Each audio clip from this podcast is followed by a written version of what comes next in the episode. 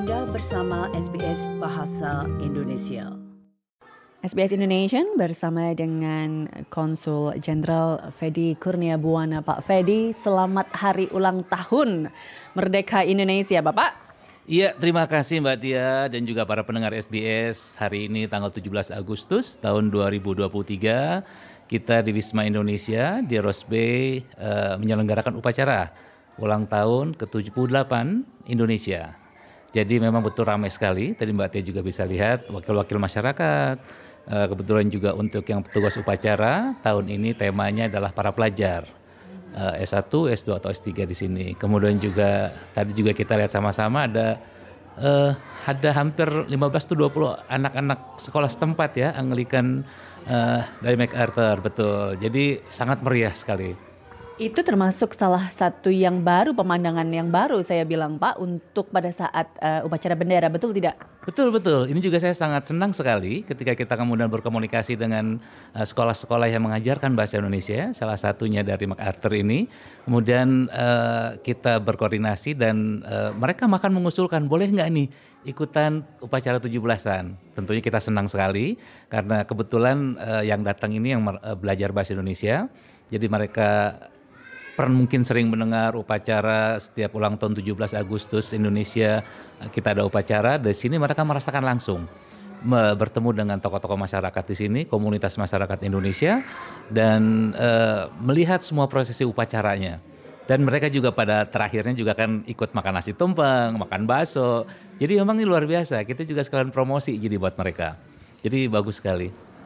Dan kalau kita bicara mengenai ulang tahun ke-78 Pak, ini selalu saya tanyakan tampaknya setiap tahun karena ulang tahun ya tahunan begitu yeah. ya. Tapi kemudian apalagi hmm. begitu di usia ke-78 temanya um, terus melaju untuk Indonesia maju begitu Pak. Kita kita melaju ke mana, meninggalkan siapa atau mengejar apa begitu Pak? Iya betul karena temanya sangat-sangat relevan ya terus melaju untuk Indonesia maju. Terus melaju itu artinya kan kita sudah sudah laju selama ini dan harus kita kita akui semua eh, mengakui baik dalam negeri ataupun dunia internasional bahwa Indonesia terus melaju. Bahkan di saat-saat pandemi COVID pun yang sudah berakhir, bukan berakhir, semakin mereda di tahun 2022 sampai sekarang eh, GDP atau pertumbuhan ekonomi kita masih di atas 5 persen. Itu jarang sekali uh, di mana negara-negara lain termasuk bahkan di Amerika bahkan di Cina juga mengalami penurunan tidak tidak minus tapi mengalami penurunan. Eropa juga tapi Indonesia dan beberapa negara di Asia terutama itu mempertahankan uh, pertumbuhan ekonomi yang yang luar biasa di atas 5% dan itu juga memang apa sangat-sangat relevan menuju Indonesia uh, apa terus melaju untuk Indonesia maju. Karena tidak ada batas melaju sampai kapan uh, bukan berarti kemudian meninggalkan dari yang lama meninggalkan artinya itu bukan meninggalkan artinya lebih baik pastinya melaju untuk uh, lebih baik yang pada akhirnya adalah kesejahteraan masyarakat Indonesia pastinya. Ada pesan khusus tidak yang disampaikan eh, dari eh, Presiden mungkin eh, Jokowi kepada perwakilan-perwakilan Indonesia di luar negeri begitu terkait dengan uh, ulang tahun ke-78 ini, Pak?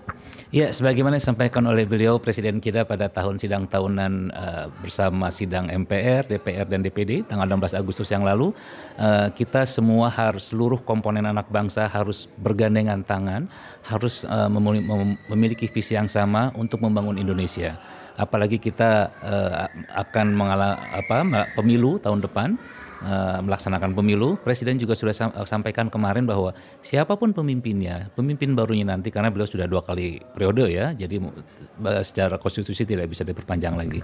Tapi beliau pesan bahwa siapa pun pemimpinnya nanti terus harus memiliki visi yang sama untuk membawa Indonesia bangsa Indonesia ke arah yang lebih maju lagi. Tidak boleh janganlah ada gontok-gontokan, ada apalagi sampai perpecahan karena yang akan rugi yang akan susah kita semua nantinya. Uh, semua orang sepakat bahwa kita harus maju dan kemudian kita juga harus sepakat majunya juga tentu harus maju sama-sama kalau kita saling bergandengan tangan bersama-sama, sebagaimana kalau kita melihat perjuangan pahlawan kita dari berbagai latar belakang bang, apa, suku bangsa, agama dan lain sebagainya, tapi ketika kemudian sama-sama untuk melakukan kemerdekaan, alhamdulillah pada tahun 45 kita merdeka atas jasa para pahlawan. Demikian juga sekarang di mana semua komponen anak bangsa berbagai daerah, berbagai latar belakang politik mungkin, tapi kalau kita bergandengan tangan secara bersama untuk membangun Indonesia yang lebih maju lagi, insya Allah juga akan tercapai cita-cita itu. Karena disebut tentang persiapan uh, pemilu juga begitu. Ini kan uh, untuk Pak Ferry berarti yang pertama berarti kan ya untuk pengadaan pemilu di uh, Australia di uh, lingkup tugas uh, Pak Fedi begitu kan ya. Tapi kalau misalnya boleh sekalian diinformasikan sejauh ini ada tidak atau ada apa yang perlu diantisipasi mungkin atau apa yang perlu diketahui warga mungkin selain memang informasi diberikan dari pihak PPLN tentunya. Tapi kemudian dari konsulat sendiri dari Pak Fedi melihatnya bagaimana persiapan ini? Iya tentunya betul ini di uh, tahun kedua saya di Sydney dan sebagaimana kita ketahui, pemilu berlangsung setiap lima tahun sekali. Sebelumnya 2019, nanti di tanggal Hari Kasih Sayang 14 Februari 2024. Tapi untuk di luar negeri memang dikasih kemudahan fleksibilitas karena dalam negeri seperti biasa jadi hari libur pada saat pemilu, tapi di luar negeri di mana uh, tentunya berbeda, tidak semua bisa libur di hari kerja karena 14 itu hari kerja, jadi boleh fleksibel di hari sebelumnya di weekend. Nah, untuk persiapan selama ini sangat luar biasa yang dilakukan oleh PPLN karena penyelenggaraan pemilu adalah uh, panitia pemilihan luar negeri atau PPLN. Jadi penyelenggara itu bukan KJRI. Eh, KJRI tentunya terus mendukung bekerja sama sebagaimana selama selama, selama ini dilakukan.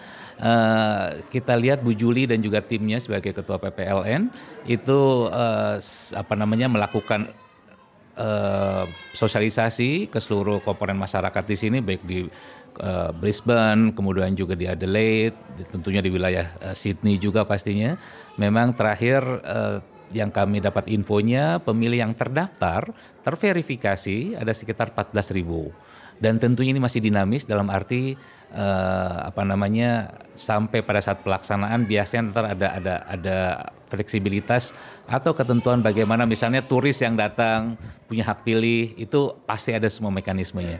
Yang kami himbau di sini adalah uh, ini hak politik seluruh warga negara Indonesia. Masyarakat Indonesia memiliki paspor Indonesia, uh, pesta rakyat demokrasi lima tahunan. Jadi kami juga tentunya mendorong teman-teman seluruh WNI, Bapak Ibu semua untuk ikut memeriahkan pesta demokrasi ini. Karena sekecil apa pun suara kita mungkin di luar, tapi satu suara itu bisa memberikan arti yang berbeda. Satu suara bisa menentukan arah Indonesia ke arah yang ke mana bagaimana. Jadi saya mendorong seluruh warga negara Indonesia di wilayah kerja KJ di Sydney yang belum uh, melakukan verifikasi atau pendaftaran silakan hubungi langsung ke PPLN untuk ikut pesta demokrasi kita. Demikian. Untuk membawa Indonesia juga melaju tadi Pak ya, betul. untuk menentukan masa depan Indonesia semakin maju. Betul, betul. Seharusnya demikian ya. Betul, betul. Pak Fedi terima kasih kebersamaannya bersama SBS Indonesia. Terima kasih banyak Mbak Tia. Salam sehat untuk semua para pemirsa pendengar SBS di mana pun berada. Salam merdeka.